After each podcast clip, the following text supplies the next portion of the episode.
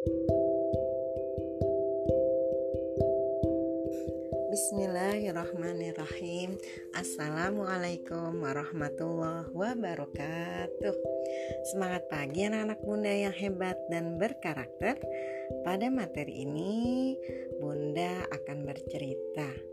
Untuk lebih jelasnya yuk kalian simak cerita bunda Teks bacaan pembelajaran 5 subtema 3 Simak ya baik-baik cerita ini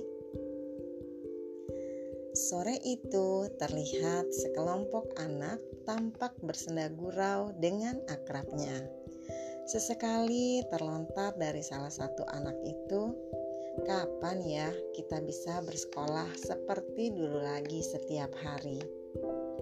Dan ada pula yang menimpali, "Iya, kapan ya kita belajar di kelas kembali, bertemu guru dan teman-teman yang lain lagi?"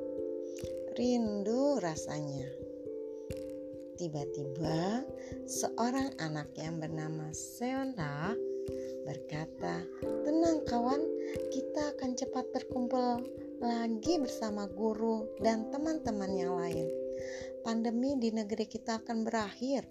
Aku yakin kita semua pasti bisa bersekolah kembali." Amin, jawab Edu. Percakapan pun kembali bergulir dengan membahas kasus COVID-19 yang terjadi di saat musim hujan akhir-akhir ini. Meski sempat turun kasus COVID-19 di bulan lalu, kini kasus COVID mulai menaik lagi grafiknya. Bahkan terdengar kabar ada beberapa teman yang sempat tertular juga sempat dilarikan ke rumah sakit dan ada juga yang hanya orang tanpa gejala. Hal ini dikarenakan hujan yang hampir setiap hari mengguyur kota Jakarta dan sekitarnya, sehingga menyebabkan turunnya imun. Terlebih jika kita tidak menjaga kesehatan dengan asupan gizi yang baik. Akhirnya, percakapan mulai membahas untuk mengadakan aksi peduli sehat di kelas 6 yang terdiri dari tiga kelas yang dimulai dengan mendata mereka yang terpapar COVID karena penyakit bawaan, orang tanpa gejala, dan orang yang sakit dengan gejala. Sonalah yang menjadi koordinator pengumpulan data. Dan inilah data yang terkumpul.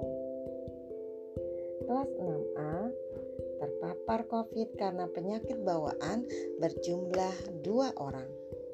Orang tanpa gejala berjumlah tiga orang. Orang dengan gejala berjumlah enam orang. Kelas 6B terpapar COVID karena penyakit bawaan berjumlah satu orang.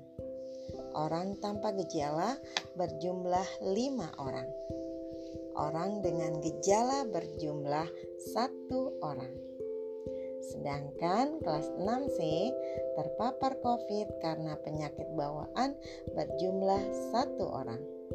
Orang tanpa gejala berjumlah empat orang orang dengan gejala berjumlah dua orang. Hmm, lumayan banyak ya yang terkena dampaknya.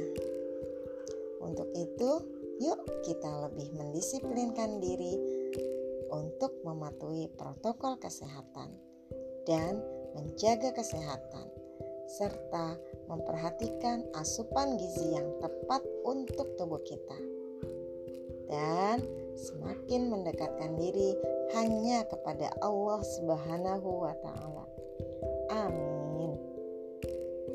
Demikianlah cerita ini.